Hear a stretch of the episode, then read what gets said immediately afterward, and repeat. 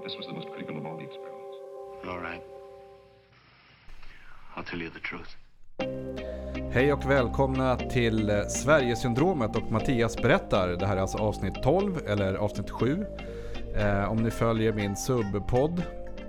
Jag heter Mattias Hellström och eh, idag ska vi ta oss till Mälarblick som är ett stort asylboende, eller var ett stort asylboende i Strängnäs.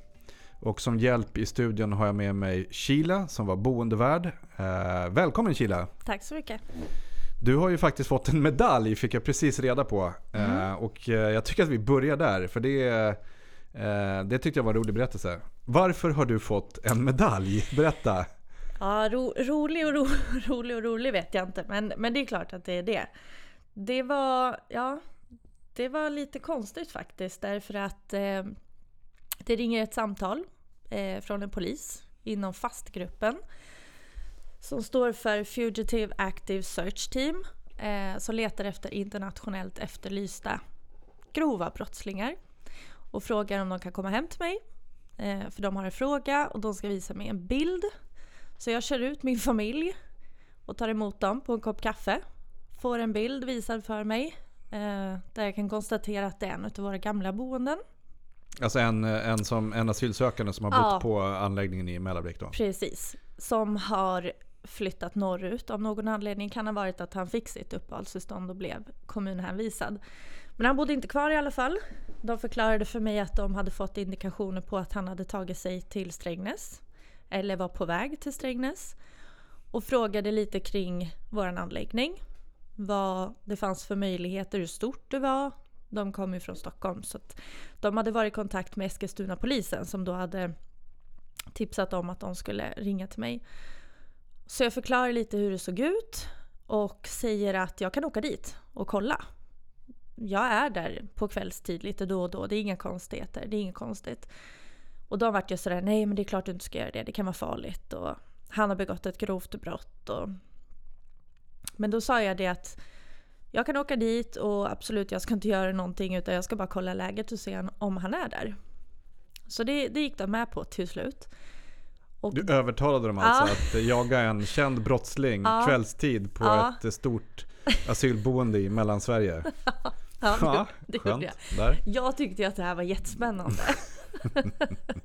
så jag, såg ju, jag såg, tyckte att det här var jättespännande. Så att jag, jag övertalade dem till att jag skulle åka dit och leta efter den här, vad det visade sig eh, senare var en mördare. Fick du någon typ av SWAT-utrustning med dig när du skulle tillbaka? Nej, det fick jag inte. Fick här- ett telefonnummer.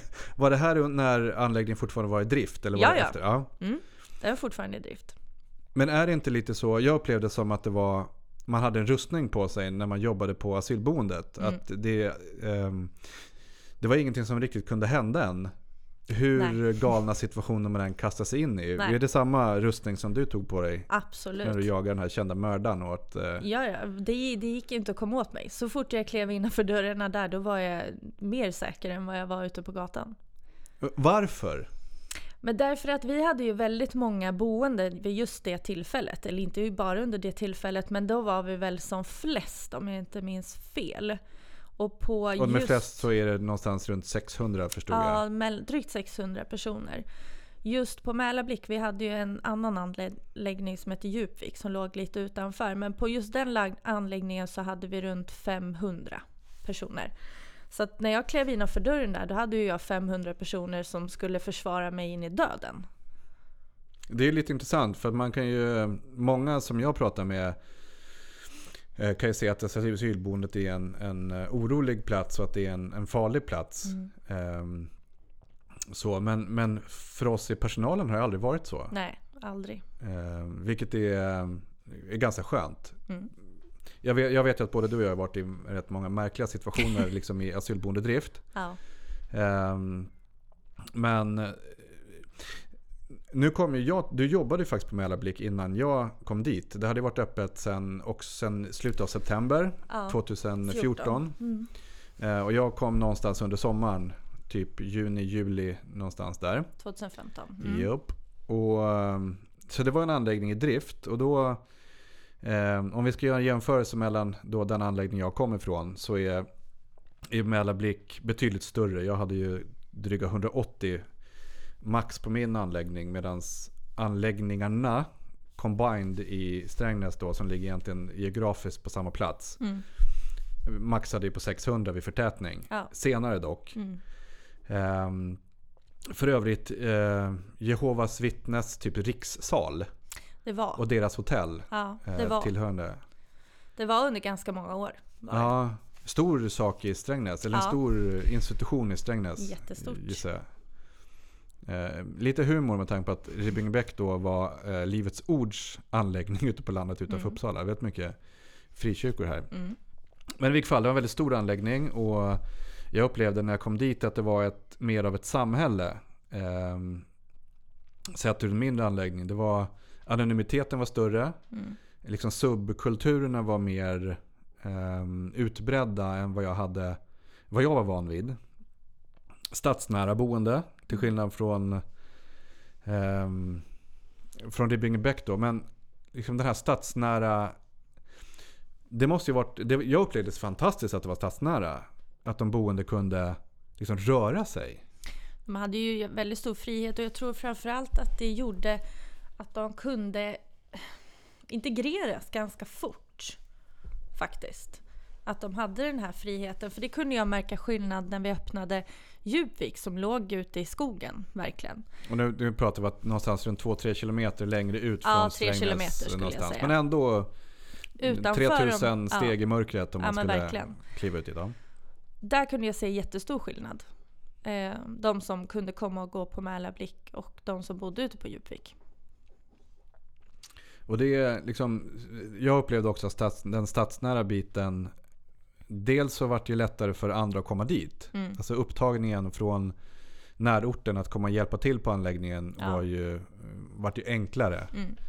Sen var ju faktiskt, jag upplevde också att Mälarblick hade ett ganska starkt stöd eh, eh, från kommunen. Mm. Eh, till skillnad från vad jag också var van vid.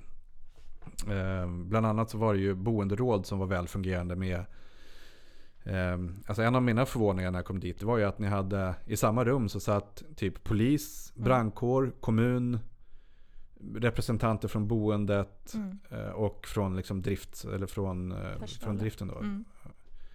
Och det hade ni egentligen haft från start.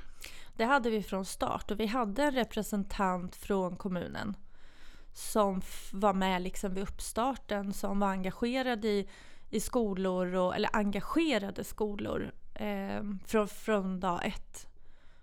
Vilket är fantastiskt. Alltså det var ju Jag tror, jag hoppas liksom en fördjupning i anläggningen. Man Ja. brydde sig faktiskt där. Det gjorde de och jag tror att vi vann väldigt, eller kommunen, Strängnäs kommun vann väldigt mycket på att de engagerade sig från början. För man gick in med en bra inställning och ser invånarna att Strängnäs kommun backar det här så blir det en annan typ av respekt.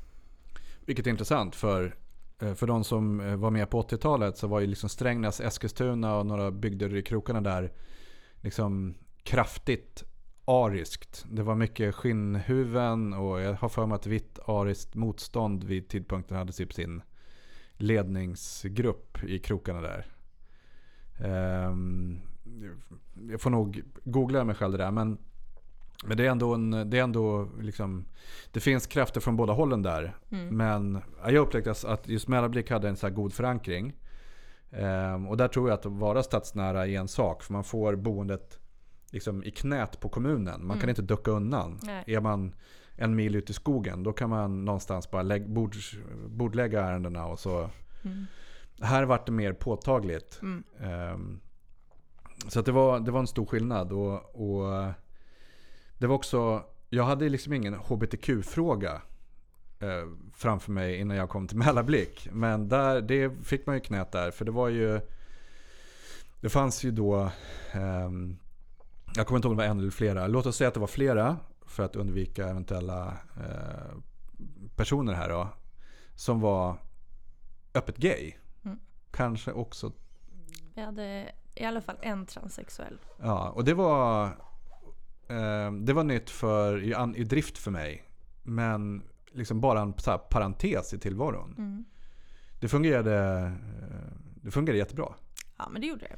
Eller, Relativt, ska personen jag var säga. förvånansvärt accepterad Ja. av andra asylsökande på anläggningen. Ja. Ja, Alltså det var inga... Var det egentligen några större huvudbryn? Förutom det, det vanliga gnisslet som... nej som, men det var väl det vanliga. Så, viska lite. Kan, många som inte hälsade. Så. Speciella grupper eller bara nej, det rent skulle jag inte generellt? säga. Rent generellt. Men nej, rent generellt i så fall. Och eh, ser, man, ser man hur kulturellt hur de här, de här säger jag, de här människorna, men Ja men det får man säga. se- jag ja, säger grövre saker än så i den Ja. här podden. Så det kör. hur man ser på transsexuella, homosexuella människor i, i, i deras egna kultur så måste jag också säga att eh, jag har varit positivt överraskad över vilken, ändå, ändå vilken respekt man gav varandra, eller man hade för varandra. För man gick aldrig på, men man undvek att kanske hälsa och så. Må så vara då. Hur var uppdelningen då? Det här är ju 2015. Det, då pratar vi fortfarande att det är innan den stora flyktingkrisen och gränserna verkligen öppnades. Så vi pratar väl fortfarande 70% syrier Mm. och att de faktiskt var från Syrien. Sen kom ju, det var ju en, blend under hösten sen när vi Ja. fick väldigt många från Jemen, Iran, Mm. Irak. Många som kanske inte bott i sina hemländer på många år, Exakt. bott i flyktingläger. Mm. Men nu pratar vi ändå fortfarande syrier på riktigt. Man Ja. kom rimligtvis från Syrien. Ja. Lite albaner. Lite albaner, lite Blandat. Eritrea, inte somalier hade vi inte. Nej, Många det alls, somalier. Men fåtal. palestinier ändå mer än en handfull. ja ungefär. Eller statslösa generellt. Statslösa. De flesta var ju Palestinier. eller Mm. utgav sig för att vara palestinier. Mm. Ehm, Men generellt sett så hade vi ju flest från Syrien precis. till att börja med. Så att då kan man egentligen, man skulle kunna säga att, att om populationen är hyfsat syrisk så var acceptansen för HBTQ ändå förvånansvärt hög. Absolut. Eh, nu måste jag tänka själv här, men det är... Vad säger media om det här? Jag skulle behövt Jens här idag känner jag. Ehm, som säkert hade kunnat rapat upp det här på sina fem fingrar. Men jag hade nog ändå föreställningen i alla fall att, att det skulle vara mycket mer gnissel runt Mm. just de frågorna. Och det, jag tyckte det var... Um, hen var störtskön för övrigt. Mm. Eh, så Ja, det var så att det, var, en annan, det var en skillnad för mig mm. när jag kom dit. Och sen, ehm, sen hade jag, jag kommit dit efter det, första stora slagsmålet hade passerat. Som jag Mm. brukar hänvisa till att det blir alltid ett stort slagsmål på asylboenden. Det blir det. Det blir det. Jag tycker det är så skönt att du säger det. För Ja. då, är det inte bara, då är inte bara jag som sitter och säger att det är så. Nej. Utan Det är så. då, då är vi två Ja. som säger så. Det, det tycker jag är bra. Eh, att du säger så. Men eh, i, i mitt fall så var det ju så byggdes det upp mellan framförallt eritreaner och, och syrier eller eritreaner och, och arabtalare från Mellanöstern. Eh, hur vad, vad hände? Ert första stora gruppslagsmål? Vi hade ju aldrig bråk mellan nationaliteterna. Om man säger, eller vi, de, de, våra asylsökande delade in sig själva i grupper. Grupper hur? Eh, araber, afrikaner, albaner. Alltså de höll sig med sina egna nationaliteter. Ja, och de kallade sig själva araber, afrikaner. Ja, nu tar jag alltså de, de största grupperna. Ja, ja, absolut. Men de, De största- egenbenämnde sig. Ja, precis. De benämnde sig som det. Och där var det eritreanerna. Då, där var ju liksom de från Sudan och de, de såg sig som en grupp. Och de hade en representant. Och de hade en representant under väldigt, väldigt lång tid. Så att gruppen syrier, de bröt ner det själva i flera subgrupper. Ja, lite så. Fast de, de, de räknade ändå in. Sen kom ju Irak. Iran tillhörde ju afghanerna. Men Irak, palestinierna, de var ändå arabisktalande. Så de räknade, de räknade sig själva som araber. När de, när, det var, när de pratade arabiska, då var de araber. Afrikanerna, det var liksom när de var från Afrika.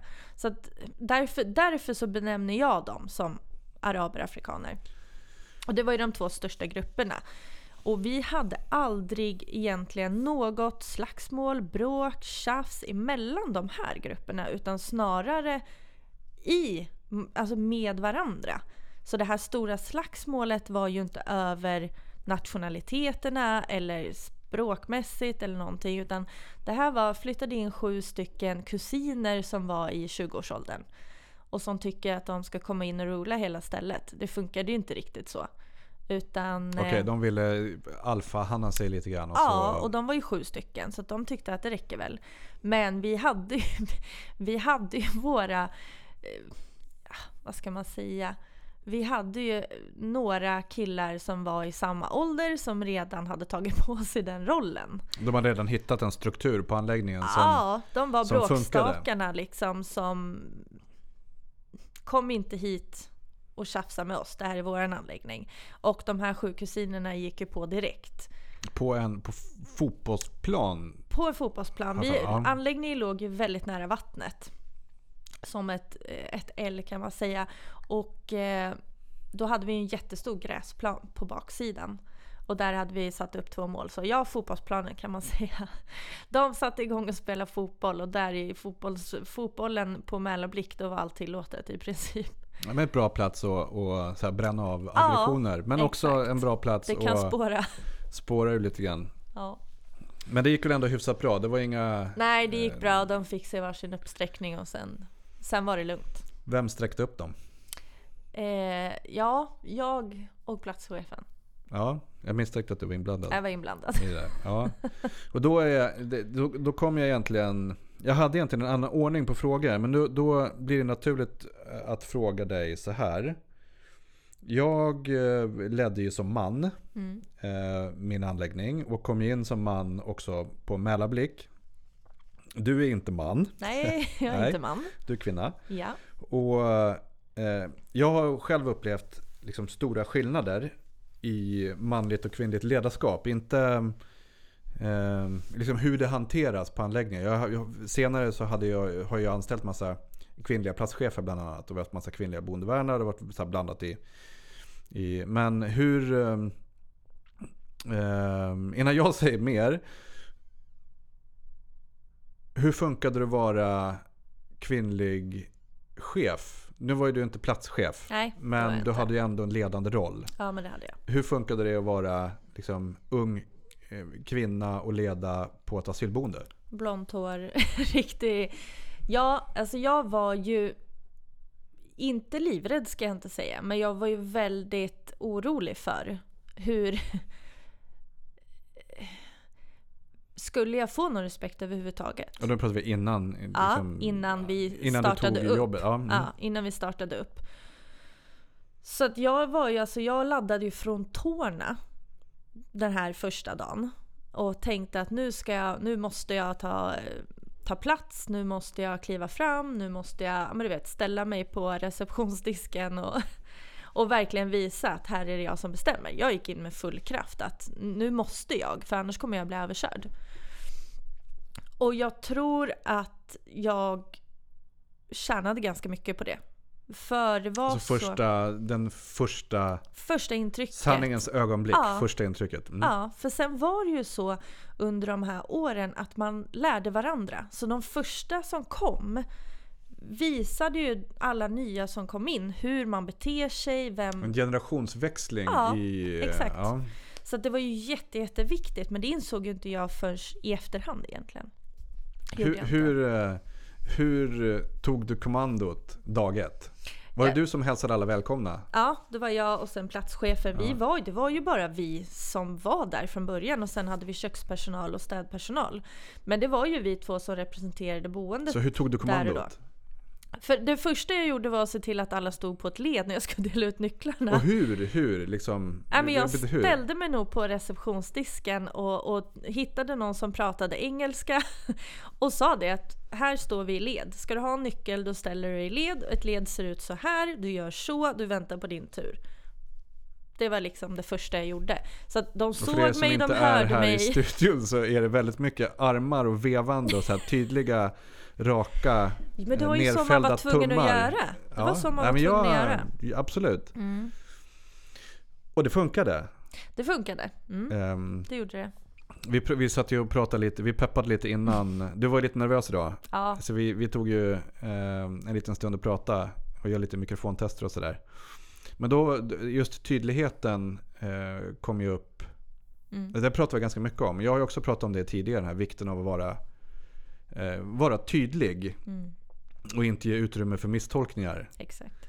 Eh, Så jag, jag är lite glad att det kommer tillbaka. För jag tycker, är det någonting som eh, det känns som både du och jag vill förmedla ut till vem som nu lyssnar. Så är, är, är det just en oändlig tydlighet. Mm. Ehm, och det, vi, har ju, vi har lite punkter här när vi kommer tillbaka till det. Ehm, men, men, ehm, ja, men i vilket fall, förlåt, jag ska inte avbryta mer. Att leda som kvinna. Leda som kvinna. Det har såklart både sina för och nackdelar kan jag tänka mig. Men i och med att jag gick in, jag gick in som två personer. Jag gick in helhjärtat. Jag bestämde mig från första dagen att jag ska jobba med hjärtat. Kan jag säga precis som du har sagt i tidigare avsnitt att det förändrades under de här åren. Eh, arbetssättet, hur man tänker med vad man tänker. Hur jobbar man? Jobbar man med hjärtat? Jobbar man med huvudet? Man utvecklar från att ha jobbat med hjärtat. Eh, Men jag började så, jag ska jobba med hjärtat, jag ska bara brinna för det här. Samtidigt som jag var tvungen att sätta ner foten, visa att här bestämmer jag. Du kan komma och säga saker till mig, men det är fortfarande jag som bestämmer. Och var det så att situationer eskalerade, ja då skickade jag, då skickade jag vidare till platschefen. Så. Men i de flesta fall så skulle jag ändå säga att, att det räckte med, med att jag sa någonting. Dels för att jag hittade ju en taktik som kanske inte var helt eh, hundra... Ja, men nu blir jag supernyfiken. Ja. Nu är det bara, det här vill jag höra. Ja, nej men det är ju inte... Konstlat. Det är ju inte jätte... Det blir jävligt pinsamt. Nej, ingenting är Nej, pinsamt nej men det det blir rummet. pinsamt. Det blir pinsamt för män som är... Som, det är pinsamt för män i den här kulturen att bli utskällda av en kvinna, om jag säger så. Det, det är ingenting som man vill råka ut för. Så det du säger är att en arabisk man vill helst inte bli offentligt utskälld av en kvinna. Exakt, och det utnyttjade jag ganska många gånger. Det gjorde jag faktiskt. Men det blev aldrig någon tjafs efter det. Alltså det, det här tycker jag är jättespännande för... ehm, alltså... Det är ett sånt smart kort att dra. Mm. Jag har aldrig kunnat gjort det. Eh, och det... ehm, jag får alltid börja på en så här högre konfliktnivå. Mm. Som man. För då är konflikten redan igång. Säger jag åt en annan man, då är ju konflikten redan Oh, så här highlighted. Mm. Då, då är det ju fart. Mm. Så. Du flankerar dem. Mm. Eh, Och det... Och jag behövde ju inte göra så mycket mer egentligen. Det var ju egentligen inte innehållet i det jag sa. Men vart det ingen konflikt? Alltså jag förstår att det är... Eh, jag har ju sett annan personal också göra ungefär, inte samma sak så tydligt. Nej. Men jag har väl sett det komma lite grann så. Men jag har också sett att det blivit en utökad konfliktnivå med en boende som inte köper att bli utskälld av en kvinna. Att det verkligen har eskalerat Mm. liksom, ännu mer. Inte att det eskalerat ännu mer, men man gick ju... I den situationen så gick man ju gärna förbi mig och gick till platschefen. Och där, där tyckte jag att det var super, super, super viktigt att man blev uppbackad. Och det blev faktiskt jag. Det måste jag säga. Utan En tydlighet i, i hierarkin. Ja, säger hon så, då är det så. Du behöver inte komma till mig. Och, och det, var ju, det var ju bara tur. Man får ju tänka sig för innan man säger saker. Så är det. Du kan inte säga något och sen blir det inte så. Utan, och det handlar ju också om tydlighet. Eh, du kan, kan inte du ge ett exempel här? Ett exempel. Ja, men jag har ju många exempel egentligen. Men du kan ju aldrig säga till en människa, även hur mycket jag än skulle vilja, att beter du dig på det här sättet kommer jag skicka upp dig till Haparanda. Alltså det värsta, det värsta, det, deras värsta tänkbara det var ju att hamna i Boden eller Haparanda. Och ibland så gick de över gränsen så hårt att man ville verkligen bara make a statement och visa att det här är inte okej. Du kan skickas till ett annat boende om det inte passar. Men har du inte på fötterna, du vet till 210% att du kan genomföra det. Leverans på, på Exakt. hot. För då skjuter du dig själv i foten. Vad händer då? Ja, men då förlorar du ju all respekt. Det var A och O att kunna stå upp för det du har sagt. Så där, där, kunde man, där kunde man göra bort sig. Jag kan inte komma på något exempel där jag gjorde det, men det gjorde jag garanterat, säkert. Att jag gjorde det, för jag måste ju ha lärt mig någonstans. Jag hade ett sånt exempel där, där eh, skickade en boende Mm. till ett riktigt hål till anläggning. Det var känt att vara, alltså typ platschefen kröka och de rökte på rummen. Och det var Ja, det var en annan anläggning, en annan operatör. Men alla visste att den var kass och vi skickade dit människan. Vid någon tidpunkt, tidigare eller senare. Ehm, och, och någon lokal stolpskott på Migrationsverket gav ju människan en lägenhet efter två, två veckor, tre veckor. Mm. Eh, Jag och då fick ju vi ett med. samtal från den här människan. De skickade bilder på lägenheten då, så hade vi typ uppror. Mm. Ehm, och det, det, det är en tydlighet där det inte funkade liksom hela vägen. Det Man så det gick levererade. inte Nej, det gick inte liksom planerat. Så vart det. Ehm, Men där är ju Migrationsverket agerat i, ja, helt fel. Helt fel. Ja, vi, vi ska komma tillbaka till Migrationsverket. Men jag vill Mm. hålla mig kvar. Var det några andra, andra saker just det här kvinnliga ledarskapet som du vill liksom, ta fram nu? När vi ändå är där. För jag tycker det är Ja. jätteintressant. Ja, faktiskt. Därför att jag tror att som du har sagt tidigare, du fick agera domare, du fick agera Mhm. läkare, du fick, alltså, jag hade ju också den positionen. Och jag tror att jag som kvinna så kom man nog även med väldigt känsliga frågor till mig. Även som man? Eller? Även som man. Alltså, framförallt yngre killar som var runt 20-25. De, för de, de, de litade så pass mycket på mig att de kom med väldigt känsliga frågor. Eh, och det kunde ha med sjukvård, det kunde ha med läggning, det kunde alltså vi pratar Känsliga frågor vikt- för... Ja men lite, ah, lite sådär man går till mamma och frågar. Ja. Jag var ju mamma, jag var pappa. Så du blev anläggningsmamma? Ja, ja men jag var ju det. Så var jag läkare, Ja! läkare Ja! sjuksköterska, lektant. Ja men du vet, man var allt. Man var det. Terapeut, psykolog, you name it. Man var allt. Man var, ja. Man hade tusen olika titlar. Så jag tror att man gick lite till mig som om jag vore ja, men en, någon typ av mamma. Saker som man inte kanske skulle ha gått till om det var en man. Jag, jag har ju inte fått de frågorna. Nej. Så att uppenbart. Ja. eh, Alltså jag tror ju att, för jag hade en kille till exempel, han hade ordentliga utslag på, på utsidan av låret. mhm. Han hade ju aldrig gått och dragit ner byxorna för, för, för någon, alltså en man. Det hade ju aldrig hänt. Nej, Nu var ju, vi var ju två Ehm. kvinnor i rummet så det var inte så att jag var självmant när han drog ner byxorna. nej. Men ändå, men ändå det, det är känsliga frågor. Och Ja, det känsliga frågor. ehm, jag, det hade förmodligen varit lättare jag ska inte säga mansplaina saker, jag ska verkligen försöka komma bort från det. Men ni som lyssnar, jag, jag är van att sitta själv nu här. Så jag, jag här för mina egna tankar. Jag måste också själv vänja mig vid att ha en gäst här som säger massa smarta grejer. Ehm, och nu försöker jag förklara mig och så glömde jag bort min fråga. Eh, och det var nog egentligen så här. Om det hade varit svenska unga män där, hade de vågat visa låret mer eller mindre? Jag vet inte. Jag vet faktiskt inte. Jo, Hade de det- sett ja. dig, tror du att de Nej. hade sett dig med, som den här mammarollen Nej, du fick av de här, Nej, nej, de, var det både alltså, syriska män och eritreanska, Ja. afrikanska? Var det Ja, från det båda lägren? Eller var det, Nej men det var nog Ja. alla.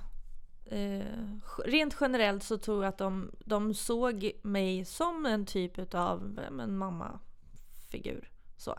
Det är okej för mig att fråga, rådfråga. Det är okej för mig att fråga och berätta att jag är gay. Eller det är okej för mig att fråga hur jag ska agera om, om jag har träffat en svensk tjej och hon vill kyssa mig. Alltså sådana saker. Mer känsliga frågor. ja, de har ju inte kommit till mig då. Nej. Nej. Nej, och, det, och jag förstår det. Det måste ju vara jättesvårt att... Och, alltså det som jag uppskattade med, med Mälarblick och se dig arbeta, det var ju just att det fanns en mycket mjukare sida i ledningen än vad jag hade, vad jag var van vid. Därför att jag hade inte... Jag hade ett manligt styre och jag, jag, jag fick nog lära mig att bredden var viktig där. Mm. Ehm, och det kändes som också om kvinnorna kunde komma fram med mer, eller av naturen kunde kvinnorna också komma fram med frågor på ett annat sätt till dig. Ja. Ehm, Och här tror jag att eh, om vi ska skicka någonting till eh, eh, de som arbetar med nyanlända idag så är det nog att det både manliga och kvinnliga behövs i kontakten med, eh, med nyanlända. Mm. För att liksom fånga upp en hel familjebild. Ja, absolut. Um, enas vi där? Mm. Ja men det, är tycker bra. jag. Det är bra. Ja. Ja, det var ju viktigt spännande. Och som sagt, jag kom ju in stormande på Mälarblick. Nu skrattar Kila Ja. här. För att jag kom verkligen instormande. Jag var ganska... Jag var ju van vid, vid min anläggning och mitt sätt. Och så kom jag instormande på Mälarblick utan att kanske fullt ut ta hänsyn till att dynamiken var annorlunda, liksom historiken var annorlunda. Jag trodde att allt funkade som på min anläggning. Och det blev ju, det blev ju livat eh, kan man väl lugnt säga. Jag fick några riktiga så här påskägg att ta hand om när, när, när jag kom dit. Ehm, och, och i det här som var skillnad, det var att jag var ju så otroligt strikt med att man inte boende fick laga mat själva. Alltså man fick inte vara i köket. Mm. Ehm, alltså det centrala köket där maten lagades av, av jättemånga skäl. Hälsovårdsmyndigheten bland annat. Och sen så också Migrationsverket såg gärna att man inte hade boende i närheten av knivar och andra typ vassa saker. Ehm, och det här var här, jag kom in under Ramadan. Du skrattar så här igen. Ja, Ramadan på ett ju, kom asylboende. på saker. Och det var ju så här första, jag stängde ju innan Ramadan började. Det var precis i skarven. Så att jag, och, och Migrationsverket gör så att, att man, man måste anpassa driften till, till Ramadan. Ehm, och det gör att man äter senare på kvällen och man kanske får ta med mat till rummen och det är liksom en annan dynamik på anläggningen. Mm. Ehm, så att jag kom så inspringande i Ramadan och sen så var det folk som stod så här och stekte ägg i köket. Ehm, och man fick ta mat till rummen, vilket liksom jag också hade så krigat ganska hårt för att man inte fick ta. Så jag kom verkligen i, i ofas med anläggningen typ dag ett när jag kastar ut folk i köket och typ skäller ut folk som tar mat till rummen. Och, um, det blev lite stökigt där. Um, vågar jag nog säga. Um, hur gick det egentligen? ja, men vad var det för dåre som kom inspringande på Mälarblick någon gång där i slutet av juni 2015? Ja, alltså jag fick ju, jag fick ju direkt en, en men det här är ju en skitkul kille.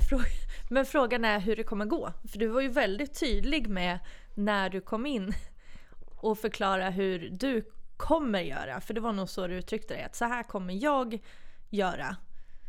Och jag, Ja. och jag tänkte sådär, ja, nej men prova. Lite så. Jag tror att jag tänkte så, prova. Det ska bli jätteintressant att se om det funkar. Vi hade ju en ganska stor anläggning. Eh, och jag vet just det här med att ta maten till rummen. Vi, har, vi, vi hade ju liksom försökt, vi, ja men du vet, vi satte in vakter. Vi, ja, men till slut så kommer man till, en, man kommer till en punkt där man känner att det inte är värt att ta de fighterna. Och då kom jag. Ja, vi hade alltså drivit, nu ska se, hur länge hade vi? September och du kom i Ja, men nio månader, tio nio, månader, Nio månader. ja. Och det är ju samma människor då som har bott där sedan dag ett. De är vana med att ta maten till rummen. Och det det här var ju också under en period där Alltså de, de asylsökande trodde ju att de skulle få en snabb behandling medan Ja. i praktiken så kunde man bo ett, ett och ett halvt år Ja. på ett asylboende. Ja. Så att riggen av asylsökande var ju samma från ni startade till jag kom Ja, in. Så precis, de var ju var samma. hemmavana där. Ja, de hade All- ju bott där i nio månader. Exakt. Och vi började alltså med att dela ut mat på tallrikar som vi sen tog in och diskade. Men vi hade ju inte en tallrik kvar sen. Vi hade inte ett bestick, vi hade inte ett glas kvar. Så det slutade ju med att vi åkte till Ikea och köpte. Alla fick varsitt glas, bestick, tallrik och en skål. Sen fick man ta med det till rummet och diska det, för vi hade inte en pinal kvar. Och det, kan jag lägga till att så här var det ju på typ alla Ja, boenden i hela ja, ja. Sverige. Att Ja. all, all köksinredning som inte eh, Satt satt fast. in, satt fast försvann. Ja. Eh, så. Vilket eh, jag vet ibland när det kom folk utifrån anläggningen och så kunde man se någonstans att någon kom med en sån här GB glassburk och hämtade mat till rummet. Inte kändes så här överproffsigt i en restaurang. Men oerhört operativt fungerande på ett asylboende. Inte för att vi Ja. gillar GB glassburkar Nej. på något sätt. Utan för att allt annat var stulet och man kunde helt enkelt inte bara slussa ut mer Nej. prylar på anläggningen. Nej, det fanns Nej. ingenting kvar. Rungande- lär man sig. Och det lär man sig. Det tog en vecka för oss att lära oss, lära oss eh, dels eh, ja, hur, vi skulle, hur vi skulle göra i matsalen helt enkelt.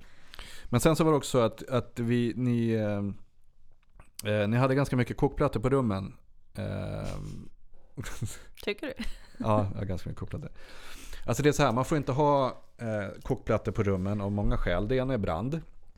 Ska man upprätthålla brandskyddet, vilket är ganska höga krav på, så får det inte finnas någon som lagar mat på rummen och har olja och grejer som kan börja brinna och väggarna blir förstörda och det luktar matos. Det blir liksom kaos. Plus att det är ganska många uttag som blir tjuvkopplade. Allt från två spikar in i uttaget och, och att man har... Ja, det kommer du också ihåg säger jag. Mm. Ehm, och då, här, här kom vi in på Alltså det var väldigt stor eh, skillnad mellan Migrationsverket hur de agerade i Flen som var ansvarig för Mälarvik och Strängnäs Mm. mot de eh, som jag jobbar med i Uppsala som var liksom otroligt effektiva och snabba. Och jag tror inte riktigt, jag, jag förstod det som att ni inte riktigt hade stöd i att få ta kokplattorna eh, Jo, fullt det, ut. det hade vi säkert. Men de tänkte ju inte hjälpa till eh, på något sätt. Utan de sa det, ja men det är klart ni ska plocka in dem. Ja men okej, men vad blir konsekvensen? Det som kommer bli konsekvensen för oss, det är att vi kommer ha 30 pers utanför dörren som kommer bli vansinniga. Och någonstans där... Vad, vad gör man när man är vansinnig som, och blir av med Då, en kokplatta? då står man och gapar och skriker och man tänker gå till tidningen och man ska, man ska strejka, man ska ringa Migrationsverket, man ska bara ställa till med ett helvete om man inte får tillbaka sin kokplatta. Varför det? Var, var, varför Det den... var super, super viktigt. Alltså, svårt att säga, men, men maten dög ju aldrig. Det spelar ju ingen roll hur många gånger vi, vi anpassade oss. Vi fick eh, önskelistor på vad de ville ha. Vi, vi gjorde om allt möjligt. Men maten passar inte alla. Det går inte. Du kan inte göra vill, alla man vill 600 laga mat personer. själv. Ja, man vill laga mat själv. Och du har kanske lagt 500 kronor på en kokplatta och du får 700 kronor av Migrationsverket eh, under en månad. Så det är klart det är mycket pengar som de har lagt på den här kokplattan för att kunna laga mat själva.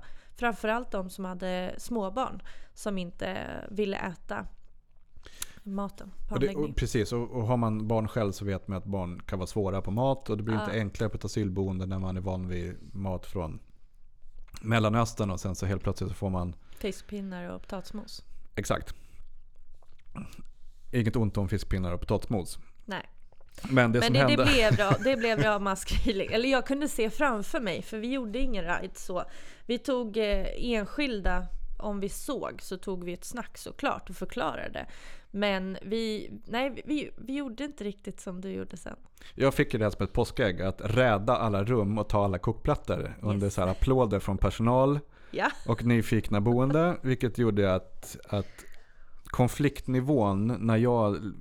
Alltså jag bodde där några dagar, jag sov jour och sen så var jag hemma och sen så... Jag täckte upp för eh, platschefen. Så att jag och platschef var aldrig, nästan aldrig där samtidigt. Nej. Utan jag var ställföreträdande när han var ledig och så var jag där. Eh, Och det gjorde ju att de dagar jag var där så var det liksom räddagar. Eh, och vi kastade oss in i rum och tog kokplattor och så fick man ett, eh, ett kvitto. eh, Som man, som kunde få tillbaka när de flyttade, vilket kunde vara typ ett eller två år senare. Och sen så var det vissa som då kom tillbaka och fick tillbaka sina kokplattor mellan jag hade varit där. ja vi, Ja, vi, vi var ju många i personalen. många helt personalen. Helt ja. plötsligt så, Så var kokplattorna tillbaka och sen så kom jag nästa gång jag var där och hämtade dem igen. Så det var... Och det, alltså det är inte kul att gå in i en familj som har barn och, och hämta kokplattor. Eh, därför att jag förstår ju själv att de eh, vill ha dem. Och eh, ska man då jobba med hjärtat som du nämnde tidigare. Så, så gör det ju lite ont att ta kokplattor av någon som verkligen behöver dem. Mm. Så. Nu hade jag ju passerat den, den eh, gränsen precis när det här hände då, då. Det var lite jobbigt på min första anläggning.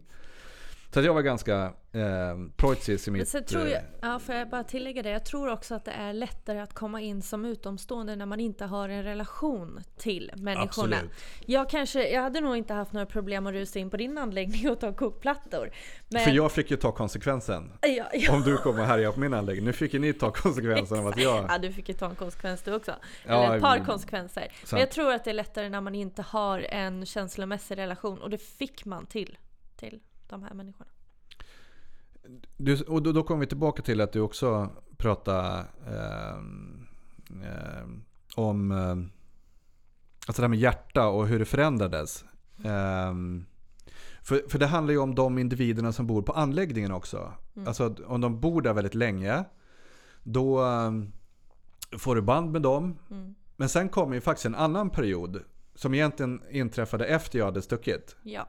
Och det var ju när de här boende byttes ut. ja. Även om de då fick eh, information från en föregående generation. Mm. Eh, när, när förflyttade du dig från att bara jobba med hjärta till att När de byttes ut. jobba mer med Hjärnan. hjärnan? Ja. Ja. Ehm, hur... ehm, vad pratar vi på tidsperiod då? Det måste varit Ett år ungefär. ett år ungefär. Ja. Det var ju smekmånad första året. Första, året, första, månad på, första året på ett asylboende är smekmånad. Ja, Sen blir jo, man- det, det var, för mig var det det i alla fall. Bitter, Eller pragmatisk, arg och eh, skoningslös som jag. Ja, man blir... Man tänder till lite fortare.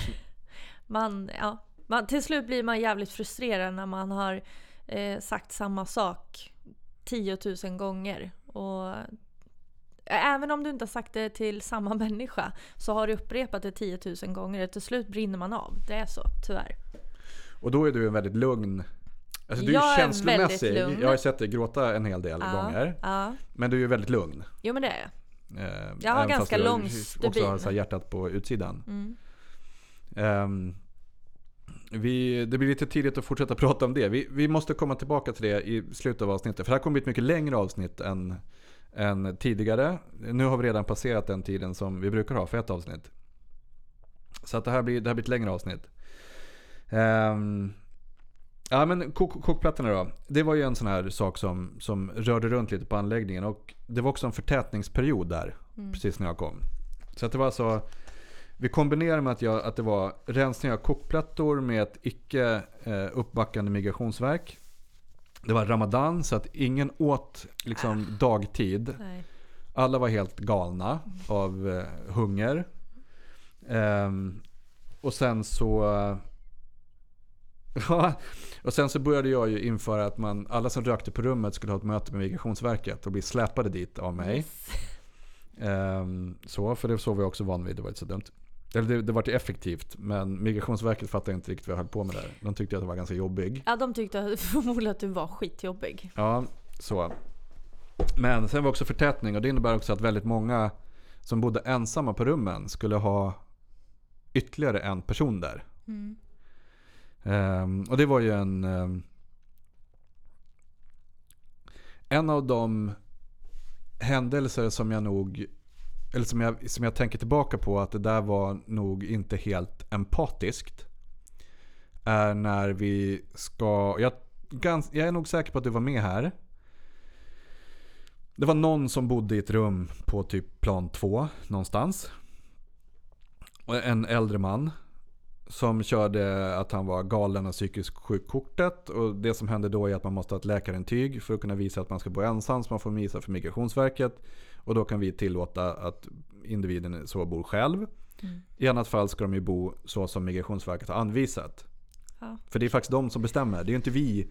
Du och jag bestämde ju inte var folk skulle bo i sak. Utan det var Migrationsverket som Ja, ändå sa att i det här rummet ska du bo två. ja. Jo, så var det ju. Liksom så. Ja, så Sen kunde man ju så här göra jobbade ju- strategiska flyttar. Sen jobbade ju inte jag riktigt Nej men som du, du, gjorde. körde ju ett smidigare race Ja, med jag- att så här, flytta folk mellan rum så att det skulle bli bra. Ja, exakt. Men det skulle fortfarande bo två i Det rummet. skulle bo två i rummet, precis. Du var tvungen att ha. Skulle du bo själv så var du tvungen att ha något Exakt. typ av intyg. Och då stod det en farbror i en dörröppning och sa att här kommer du inte förbi.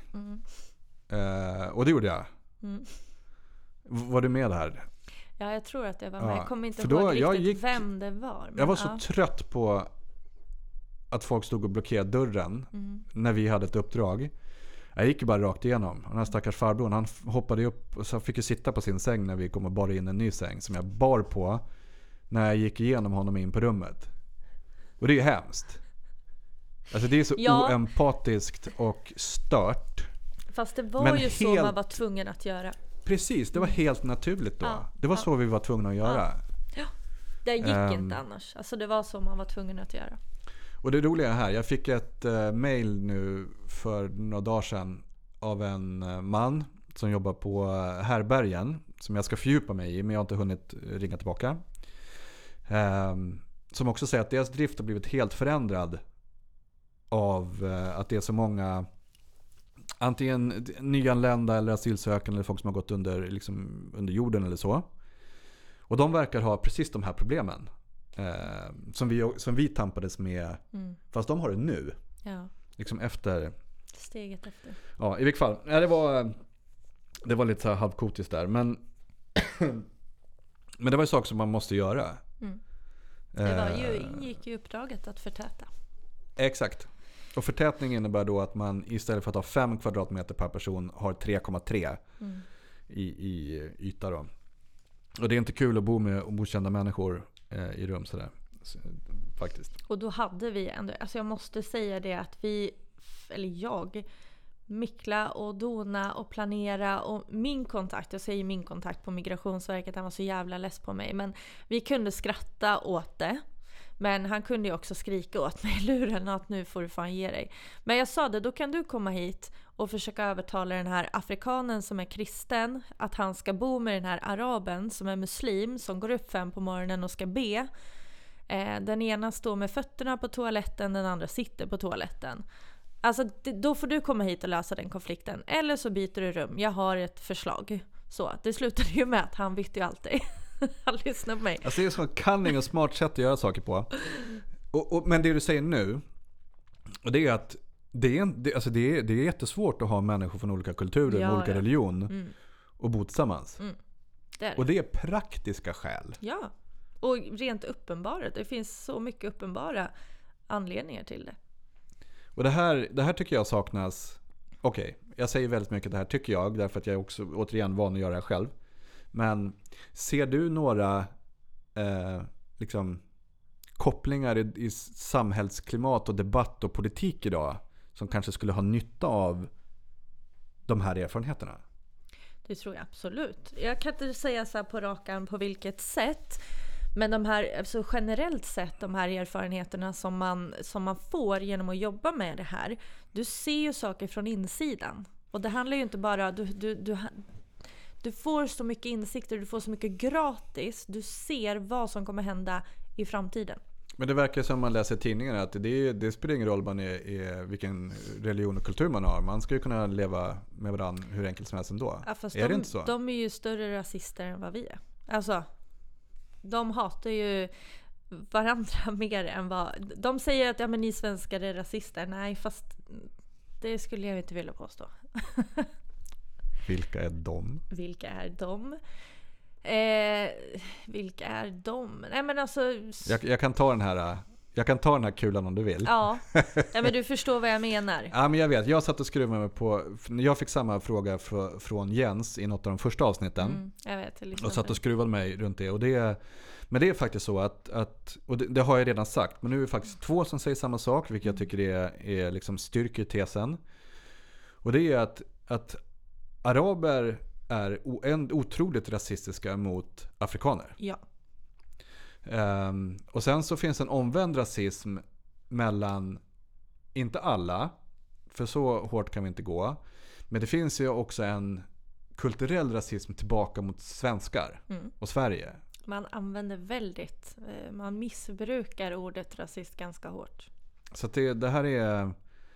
ehm, och det här, det här är... Det, kom, det känns som det alltid kommer tillbaka det här. Man måste förstå att... Eller jag tycker att man måste förstå att, att vi är så otroligt orasistiska i Sverige i förhållande till eh, liksom de grövre uttrycken som... Eh, om människor som faktiskt kommer hit idag. Ja. Så, nu har vi sagt det. Jag har sagt det i flera avsnitt. Så nu känner jag att jag kan lämna det. Och inte behöver tjata om det några flera gånger. Men jag tycker ändå att det är viktigt. Ehm, ska vi se vad vi ska... Jo, just det. ehm, exakt. Vi kan ta några sådana här saker som... Eh, när jag kom dit så rubbades också en balans på anläggningen. Eh, och det hade nog säkert rubbats lite om det inte varit jag också. Ja. Men även att det kom en annan... Det kom en annan eh, person i hierarkin som skulle testas på. Yes. Och här har jag skrivit upp två saker som är, är, är väl de tydligaste. Det ena är ju... Eh, det slutade med... Det är första gången jag varit riktigt mordhotad faktiskt. Eh, det, var, det fanns element, vi går ju aldrig in på enskilda individer eh, här såklart. Men det fanns ändå element som, som testade mig ganska hårt. Eh, kan man väl lugnt säga. Mm. Eh, och det sparkade sönder Jag kan ju säga att det rutor är och... samma, samma killar som jag pratade om vid det här slagsmålet. De som redan hade sett, alltså utsett sig själva till, eh, vad sa vi? Alfahanar. Alfahanar. Nej, men, och det, det är väl också om man ska, för att inte generalisera så mycket, så, så är det ju ofta som konflikter kommer från samma personer. Ja, Så är det säkert ute i samhället också. Men det här var upplevt- bråkstakarna liksom. Exakt, och det är bråkstakarna som såklart får mest utrymme. Därför att de, alla de här familjerna som fick ta konsekvensen av ehm, alltså att jag kom dit gjorde också att, samtidigt så byttes brandlarmet ut Ja, för övrigt. Så att det var, vi hade var Vi hade brandlarm åtminstone varje natt. Mm. Minst en gång. Och då måste man springa upp. Om, om man har jouren så måste man springa upp från sin säng. Och så måste man springa ner och kvittera på kontoret. Och då har man typ två minuter på sig. Och ta reda på om det är en brand eller inte.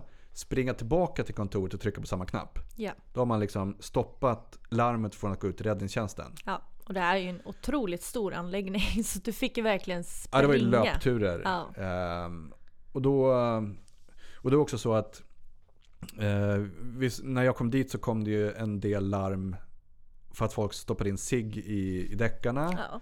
Det var tryckte på larmknappar. Och jag, det var nog mycket för att jävlas med Ja. mig i början. ja, det var det nog. De tyckte du skulle ut springa lite. Ja, jag tyckte jag skulle ut springa lite grann. Men det slog ju såklart på de barnfamiljer och alla andra som vaknar. För Ja. anläggningen måste ju utrymmas Ja. om brandlarmet går. Mm. Vilket inte skedde. För det var Nej. ingen som typ orkade lyfta sig ur sängarna Nej. eh, efter ett tag. Men det gjorde ju att, att när hierarkin och eh, liksom balansen på anläggningen rubbades. Som var, den var ju väldigt stark eh, så. Mm. Då riktades ju missnöjet eh, liksom, på det sättet. Och det slog ju på alla. Mm. Men det här eskalerade ju liksom. För jag backade ju inte ur här. Nej. Utan jag matchade ju liksom den ökade trycket från, från de här individerna med att öka trycket själv. Jag var ganska energisk tycker jag. Men det slutade i vilket fall med en incident när alltså så här stora fönsterkassetter var sönderslagna i liksom i foajén. Eh, polisen kom och hämtade individer. Liksom det var det har varit en ganska stor urladdning. Mm. Eh, och då kom...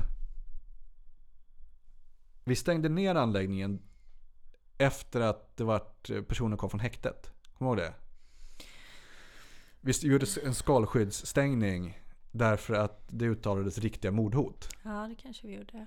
Eh, ringde och sa att individen hade kniv och Ja. skulle komma tillbaka Jo, och, ja, och. Ja, hugga ihjäl mig och så. Ja, så var det. Och det var, det var ju liksom skakigt. Mm. Eh, så kanske inte just i sekunden när man var där. Jag tror att jag tänkte på det mer efterhand.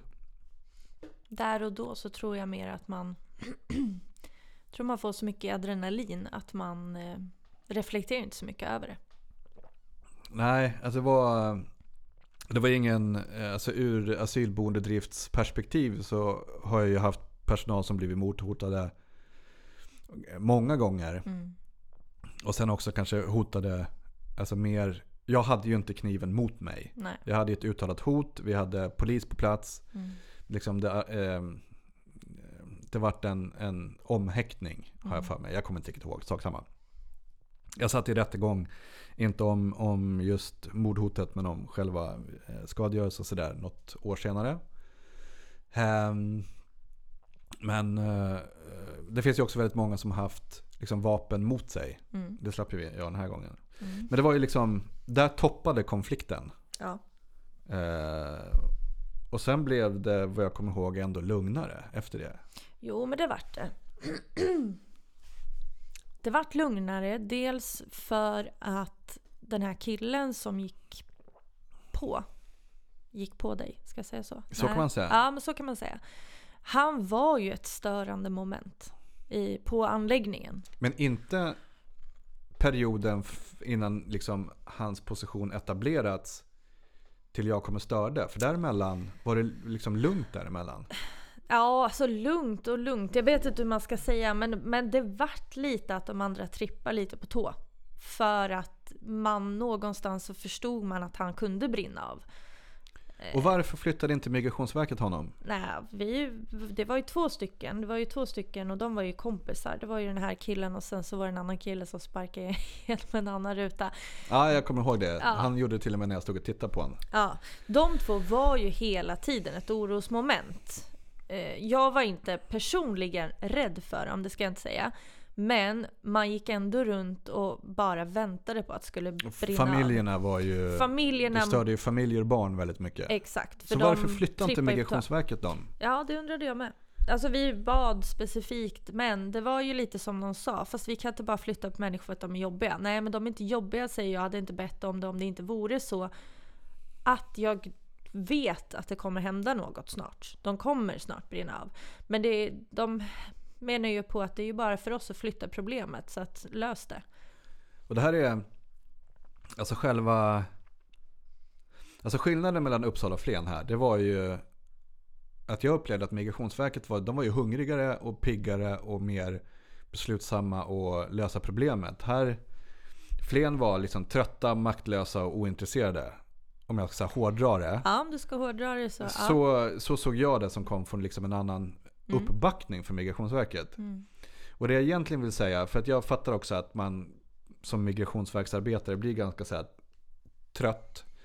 Därför att alla ringer om samma problem. Ja. Och det är liksom en enda stor liksom, omflyttning av människor som är jobbiga. Mm. Men jag erbjöd ju att vi kunde ta någon annan. ja, precis. Jag Vi kan byta kan- så här jo, men jag sa det. Ja men jag sa det. Alltså jag bara han får komma härifrån. För att då kan vi också visa alla andra att beter du dig så här så blir det en konsekvens. Och det är ju så att har du bott nio månader på ett och samma ställe. Även om du tycker stället är skit, vilket man ofta fick- höra. Så när du väl kommer till den punkten att du ska flytta eller bli flyttad, då vill du inte därifrån. Och det måste finnas en konsekvens. Ja, men vi kom ju aldrig till att vi kunde. Den här konsekvensen den blev aldrig av. Så kunde inte, vi kunde inte använda oss av det som argument. Att beter du dig så här så blir konsekvensen av att du får flytta till en annan anläggning. Och därför så sa jag till Migrationsverket, men ge mig någon annan. Ge mig ett problem från en annan anläggning. Vi byter. Så att, så att det bara blir någon konsekvens. Och det här kan man ju, konsekvenslösheten är ju intressant Mm. tycker jag. Därför att om vi flyttar upp det på nationell nivå och pratar utvisningar istället. ja. Det här är ju samma sak, tycker jag, ehm, som händer när man inte kan utvisa folk som uppenbart förstör och in, därför att de känner att de inte har en konsekvens. Ja. Därför att de får stanna. Och De skiter i. det är svårt att vi utvisar en person, så tar vi in en annan istället. Mm. Det kanske är svårt att utöva så här utvisningsköphandel, men, men just den här konsekvenslösheten, den tycker jag mig se i liksom artiklar och samhällsdebatt och klimat och diskussioner idag. Vi hade det mellan anläggningar för att få Mm. lugn. Men det är så mycket vi inte får göra. Nej, och det, exakt. Och det, det kanske är, det är samma sak förstås att man inte får utvisa folk hur som helst därför att det finns verkställighetshinder och det är krigszoner och sådär. Men då måste man också vara medveten om att om en person vet att jag kan inte bli utvisad så är det inte längre en konsekvens. Nej. Och då måste man ha en annan konsekvens liksom för att kunna motverka en- ett beteende. Mm. Ehm, Och det är svårt när man inte får uppbackning. Migrationsverket var ändå chefen av chefen över chefen över chefen. och den hierarkiska nivån så är det Ja. sjukt viktigt. Och det liksom. räckte ju med att Migrationsverket sa och när man inte fick den uppbackningen då till slut gav man ju upp liksom. Så det här var och det här, eh, det här är ju ett problem jag har sett på många anläggningar. Men, men jag tror att den här konsekvensen, det är... Jag vill bara mata in det här att jag tror att de, de konsekvensproblemen vi hade i vår lilla värld på asylboenden, det är sånt som Sverige måste ta tag i idag. Mm. Vi gjorde det där i vilket fall. Folk, I ena fallet så åkte folk till, en person till eh, eh, vart dömd och i andra fallet så vart det en, en förflyttning och så löste det sig. Men det vart ju en, en Och den förflyttningen försökte vi få igenom jätte- jättelänge. Ja, Men, men där tror jag också att du var så bestämd. Jag hade ju tjatat sönder dem liksom. Till slut så la de ju bara dövörat till. Men så kommer det en helt utomstående person och säger att det här funkar inte. Ni har inget alternativ, det är bara att flytta en. Eh, ja, då gick det väl kanske upp för dem att det är lika bra att flytta. det här behövs i Sverige idag. Jag tror att vi behöver ha in det här det här färska blodet som kan eh, liksom ta tuffa beslut Mm. och röra om lite grann. Jag tror att det måste in i, i liksom politiken idag. Någon som kan göra det här. Ehm, så. Även för att jag skulle tycka det var jättekul och så känns inte jag som, som jag står på den agendan. Men jag vill ändå sätta ner foten här och tycka att det här är någonting som bör diskuteras. Mm. Och som vi kan ta ut av, av konkret ur det här arbetet. Då. Japp. Uh, Alright, vad har vi mer för roliga grejer? Vi har ganska mycket kvar känner jag. Ehm, även fast tiden rullar på. Vi ska prata om lite roliga saker också. Mm. Tycker jag. Ehm, och det är, kommer du ihåg, eh, klockan var typ sex på morgonen och sen så, okej jag sparkar inte in dörren, jag brukar säga det av dramatisk effekt. Men jag, jag gick med hast in i ett rum och ut for två polacker, kommer du ihåg det? Ja. Vad hände där? Jag vet ju inte, jag var inte med exakt där men jag vet ju att du har återberättat det. Det var ganska kul. Så sjukt roligt, för jag, jag får höra av någon att det, det är obehöriga på anläggningen och det är inte okej. Så att jag väntade ut dem, jag vet att de är där, så jag tänkte ja, men jag tar dem på morgonkvisten. Och u- i rummet så hittade jag två polacker. Byggarbetare som jobbar i Strängnäs. Då visar det sig att någon snubbe från Syrien, i det här fallet, i rummet bredvid hade fått tag i nyckeln till en familj som stuckit. Och inte sagt att de lämnat anläggningen. Ja, Det var lite i limbo sådär. De skulle komma tillbaka men egentligen inte. Mm. Så han hyrde helt enkelt ut det här rummet till de här polackerna för typ 500 spänn natten. Ja, ja, bra Ja, så jävla lack.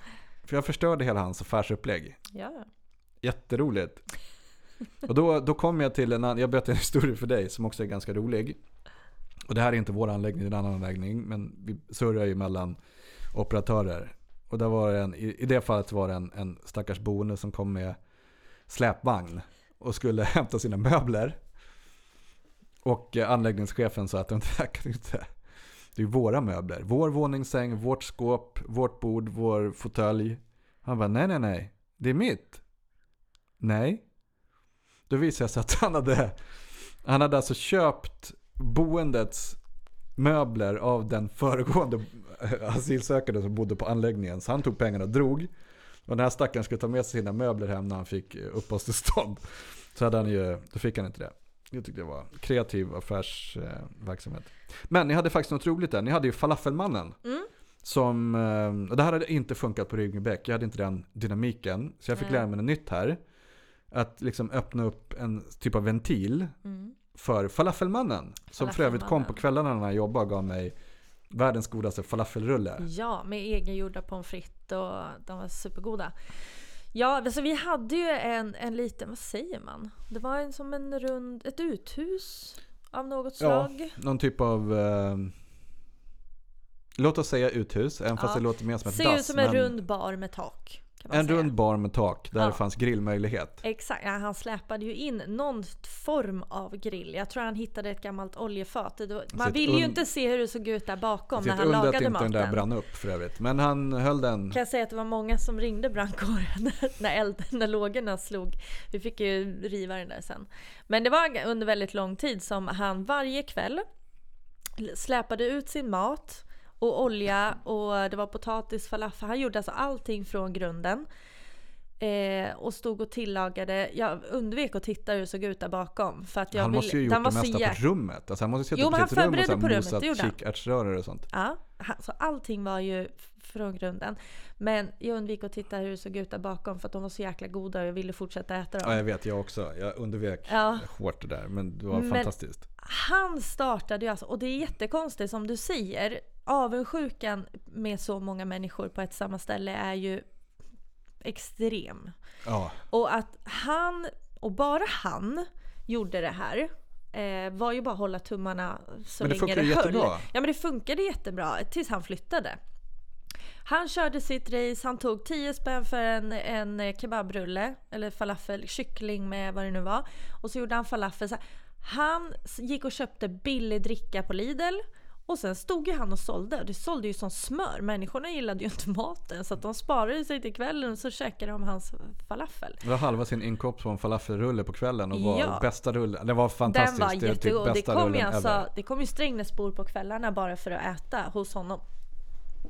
Gjorde det. Men vad hände sen då? Alltså när han slutade falafla där? Han flyttade, ja och sen så var det väl några sådär som gjorde något tafatt försök att eh, hålla liv i det där. Men han var, han kunde inte prata ett ord engelska. Han, jag vet Ja, inte hur han klar, klara, klarade sig. Men, men det, han, bara, han var bara tyst. Han tog inga diskussioner. Han bara sålde och lagade och sålde. De som försökte ta över, de hade ju så mycket åsikter och de skulle babbla och de skulle förhandla och de skulle höja priser och det funkade inte. Så de, de fick ju ligga han ner. bara körde smart han körde och smart. gled igenom ett år. Exakt, tjänade så sjukt mycket pengar tror jag. Ja, alltså Kan jag var, tänka mig. Ja, det var han falafelmannen, han var, det var, han var grym. Mm. Jag tänker tillbaka på han hans kvällsfalaflar. Ja, han bodde ju själv för han snarkade så högt. Ja, det är ganska många som snarkar ganska högt Ja, övrigt. snarkar superhögt. Återkommande. Jag kan inte bo med min eh, den här snubben här för han snarkar för mycket. Ja. Nej men det var, han, falafelmannen var faktiskt Han, grym. han hade faktiskt intyg på det. För han hade bott med massa som Migrationsverket hade skrivit intyg. Han skulle bo själv. Ja, fan det var proffsigt. Mm. Det är inte helt lätt att få de där intygen Han kan heller. ha köpt de här människorna. Som ska han kan ha säga köpt att den där han... med, med kvällsfalafel. Yes. Eh, eh, så. Sen hade vi också, eh, jag har skrivit så här, kärlek på boendet och skrev kanske ska stryka den. Men vi kom väl ändå överens att det var, det är okej ändå att så här, generellt prata runt Ja, kärlek på ja, anläggningen. ja. För med en sån stor anläggning, liksom som ändå är som ett, ett samhälle, Mm.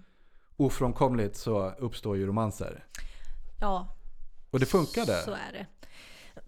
ja, alltså vi, det var ju svårt att bevisa något, om jag säger så. Som du har pratat om tidigare så det uppstår rykten mellan eh, ensamma kvinnor som bor där och hon har varit i hans rum och sen var hon Vilket i är det en ganska rummet. stor grej när vi pratar om de här kulturerna också. Ja, det får man det är glömma. jätte, jättestort, jättestort. Men vi hade ju, det var ju intriger, det var en kvinna som träffade två olika män och de började slåss och bråka med bara det att båda två var gifta på varsitt håll med familj hemma i hemlandet och jag frågar bara vad är det för fel på er? Alltså sitter ni och bråkar Och nu om pratar henne vi för? inte, bara för att vi inte ska gå in på så här sekretessområden, nu, nu pratar vi alltså en anläggning med tre års drift. Ja. Och det här är liksom, det här är någon gång under de Ja, tre åren. Så Ja. det är liksom en anonym diskussion. Men, men man kan ändå säga att, att eh, så här, avbryter dig nu för jag Ja. känner att jag behöver, eh, vi får inte gå upp för djupt. nej men jag måste säga det Men här vi, också. vi måste verkligen, jag tycker intresset är stort Mm. för eh, liksom intrigerna här. Jag tycker det är toppen, det är som en egen lilla dokusåpa. Ja, men inte bara intriger. Det var ju personal och boende också. Så är det så. Det är ju så. Man var ju mer på jobbet än vad man var hemma. Så efter att vi stängde anläggningen så visade det sig att, att eh, det skapades relationer. Det är alltså någon som jobbade på anläggningen som, Som förlovade sig med en boende. fast det är väl härligt ändå. Ja, i efterhand, vad ska man säga? Man kan inte riktigt styra över det tror jag. Och jag, jag tycker att det är ganska härligt för jag har ju eh, i min, när, jag sen ansvarade för platschefer och hade väldigt många anläggningar så var jag otroligt hård på just det här med relation med. Jo, men det, och det, det var det ju där och då också. Det var ju Eh, ingenting som man gick och... Men det funkar ändå. Jag, jag tycker att det är... Jag försöker ändå hitta... eh, Jag, jag har ju... En anledning till att jag gör det här är för att jag också har någonstans blivit mer cynisk och hård och gjort saker som, jag, som känns dåligt. Så jag tycker ändå skönt att höra att att kärleken funkade även fast jag uppenbart var ganska hård på det sen. Eh, så jag är så glad att det ändå har, att det finns exempel på att det har blivit bra. Mm. Så det, det glädjer mig. Sen finns det ju det som inte blev så bra. också. Absolut. Alltså, vi, vi håller oss lite till det som var bra nu när det var så här glatt. Exakt. Ehm, jag har ju också massa fler frågor till dig här. Mm. Ehm, men vi... ehm, mm, mm, mm, mm, mm. du har ju fått barn döpta efter dig, eller namngivna efter dig. Mm. Det tycker jag är kul. Ja. Du har medaljer och du har fått få barn döpta efter dig. ja, varit med vid en förlossning och det hände mycket under de där åren. Jo men jag Ja, ja, var vad- en liten ja. flicka. Ja, vad har varit det roligaste? Det var, jag sa ju att jag skulle ställa frågan så här. Vad har varit roligast? Har du några exempel på något som varit riktigt kul? Ja. Så. Är det riktigt kul? Ja, det har jag. Dels såklart att det är kul att få ett barn döpt efter sig. Det är ganska stort, eller det är väldigt, väldigt, väldigt stort. Eh, jag fick en liten flicka döpt efter mig. Sen var jag med vid en födsel, alltså var med på en förlossning. Där jag fick heta pappa Sheila på tavlan. Så. Varför var du med på förlossningen för? Därför att hon var ensamkommande från Syrien, hennes man hade ryckts in i armén och hon hade ingen kontakt med honom, visste inte om han levde eller om han var död. Eh, och jag var väl hennes trygghet. Alltså hon kunde inte prata språket, hon visste inte vad som skulle hända. Eh, så hon frågade mig om jag kunde följa med. Och eh, det går inte att säga nej till. Nej men det går inte. Man kan inte säga nej till. Hon var, ja, nej. Hade jag stått i ett annat land och jag visste att jag skulle föda barn men jag har ingen aning om hur det funkar, jag vet inte vad de säger. Så hade jag eh, uppskattat att någon ville följa med mig. Så jag var med. Det var också stort. Men sen finns det massa roliga saker som hände. Både fina saker, roliga saker. Så det, det är svårt. Jag tror jag kommer mest ihåg de här känslosamma sakerna. För det satte sig i mig. Det är ändå ganska...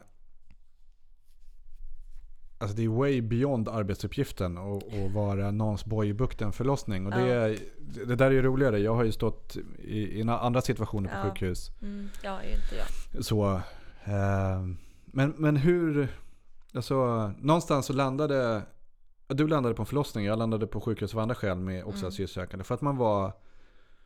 Man var den enda Mm. möjliga bojen i bukten. Mm. Då. Alltså, det går ju inte att specificera arbetsuppgifterna på, på, eh, Alltså, i det här hur- jobbet. Nej men det går inte. Du kan planera, imorgon ska jag göra det här. Det, det blir ju inte ens, du får inte ens en tiondel gjort av det du skulle göra. Utan du hamnar ju på alla möjliga andra ställen och alla möjliga situationer. Och lösa problem som du inte ens visste fanns egentligen. Men hur, hur, or, hur, orkade, hur orkade du? Jag gjorde ju inte det till slut. Vad- jag när- kan säga att vi stängde anläggningen i precis slutskedet eh, av, Av vad jag orkade ork. med. Ja. Både ja, psykiskt och fysiskt tänkte jag säga. Jag var ju på plats jämt i princip. Jag hade jouren, i jouren hade jag inte men men jag bodde ju i Strängnäs, platschefen bodde i Stockholm så när han inte var där, även om vi hade nattvakter och så, så jag låg ju på helspänn jämt. Du fick rycka in i... Ja, eller jag var nog mer, det var, hade nog lite med min kontroll. Jag var, jag, ja, ja, jag behövde nog kanske inte åka in men hände det något så åkte jag in. Så var det. Så att jag orkade ju liksom inte mer. Men hur... ehm, Och, och det, det är ju tufft, man, du, du engagerar ju väldigt mycket. Ja. Det gjorde jag också, även fast jag sen valde att liksom stänga mitt Mm. Jag stängde av hjärtan. mycket. Ja, men jag stängde av mycket, gjorde jag. Till slut. Men det går inte, eller för mig gick det inte att stänga av helt. Eftersom att jag var...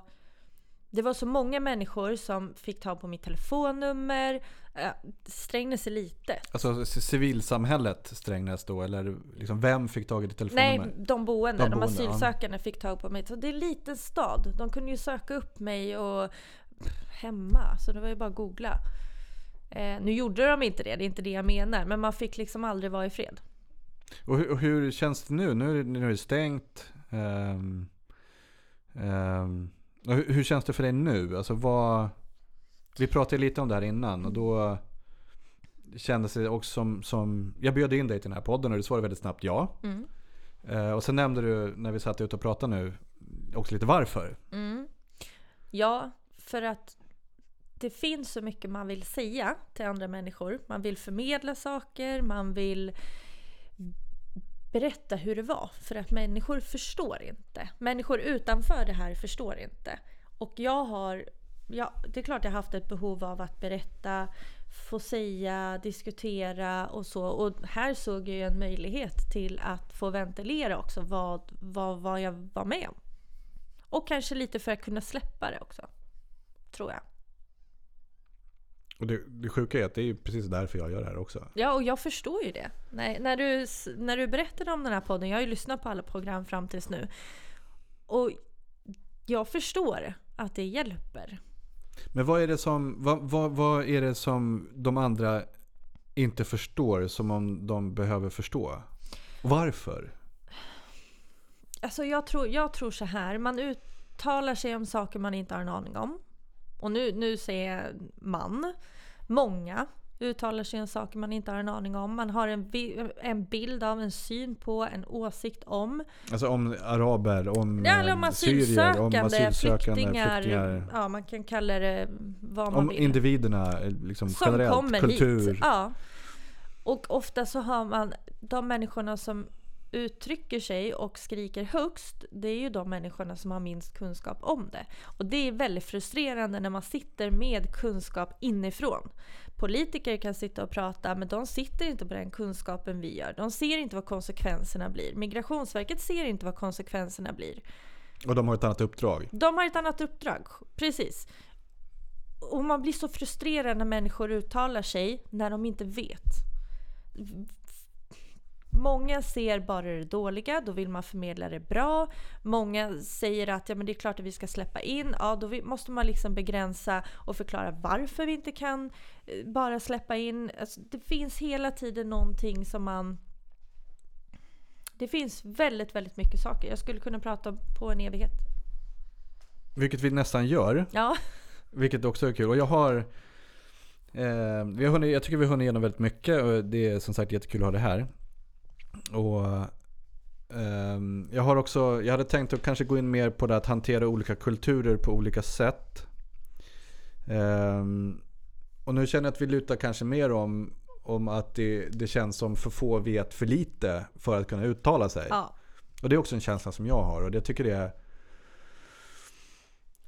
Det, nu, nu, nu pratar man ju om det här. Alltså då, 2015. pratade man inte om det. Då var det ju helt... Tabu. Ja, det var otroligt förbud. Men du och jag, du sa ju något, jag tyckte du sa något kul. Mm. Eh, som jag brukar säga ibland, att jag har alltid haft ett, liksom ett racist green card. Ja.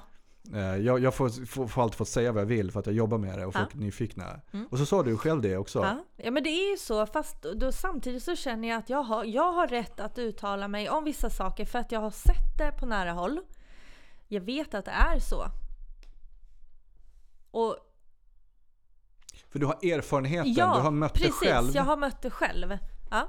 Så det här är en shoutout till politiker och alla tyckare Mm. som inte har upplevt sånt här. Mm.